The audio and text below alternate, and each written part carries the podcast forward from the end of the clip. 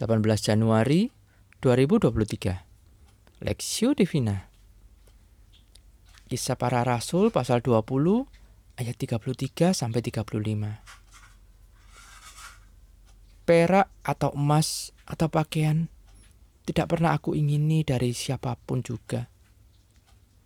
Kamu sendiri tahu bahwa dengan tanganku sendiri aku telah bekerja untuk memenuhi keperluanku dan keperluan kawan-kawan seperjalananku.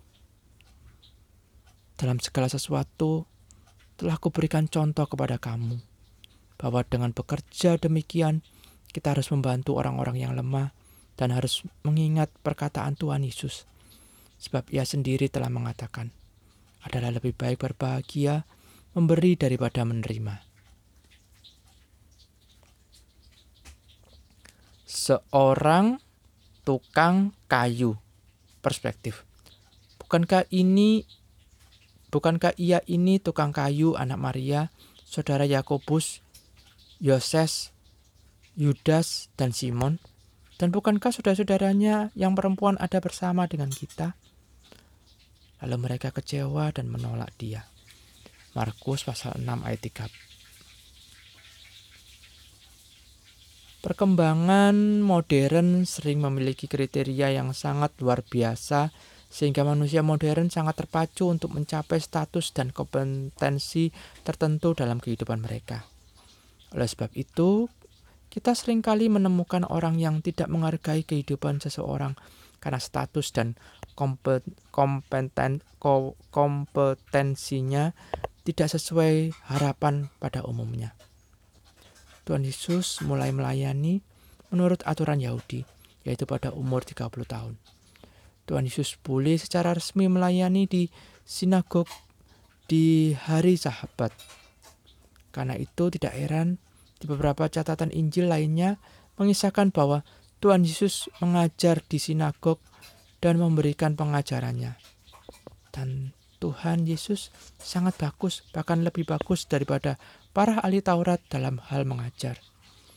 Sebab itu ada banyak orang yang takjub mendengar pengajaran dari Tuhan Yesus. Hal ini tentu membuat para pemimpin agama tidak suka dengan kehadiran Tuhan Yesus. Karena orang-orang lebih suka mendengarkan dari Tuhan Yesus daripada dari mereka. Maka, mereka mulai mempertanyakan status jati diri Tuhan Yesus sebagai anak dari seorang tukang kayu. Mereka memakai alasan itu untuk menjatuhkan reputasi Yesus, agar tidak diberikan kesempatan untuk mengajar lagi. Karena dari asal-usul inilah mereka akan menilai ajaran Yesus sah atau tidak, termasuk mujizat yang dilakukan oleh Tuhan Yesus, benar atau tidak. Sebab itu dalam Markus 15 ayat 10 dikatakan bahwa Pilatus tahu ia memang mengetahui bahwa imam-imam kepala telah menyerahkan Yesus karena dengki. Sebagai orang percaya, tentu kita pun diperhadapkan dengan pilihan mau mengikuti pendeta atau tokoh rohani siapa. Kita bisa saja menolak orang tersebut, tapi bukan karena kelahiran atau statusnya, melainkan karena cacat moral yang diketahui secara umum. Kita tentu tidak mau mengikuti seorang penderita yang mata duitan, pernah bercerai, atau menjadi pelanggar hukum.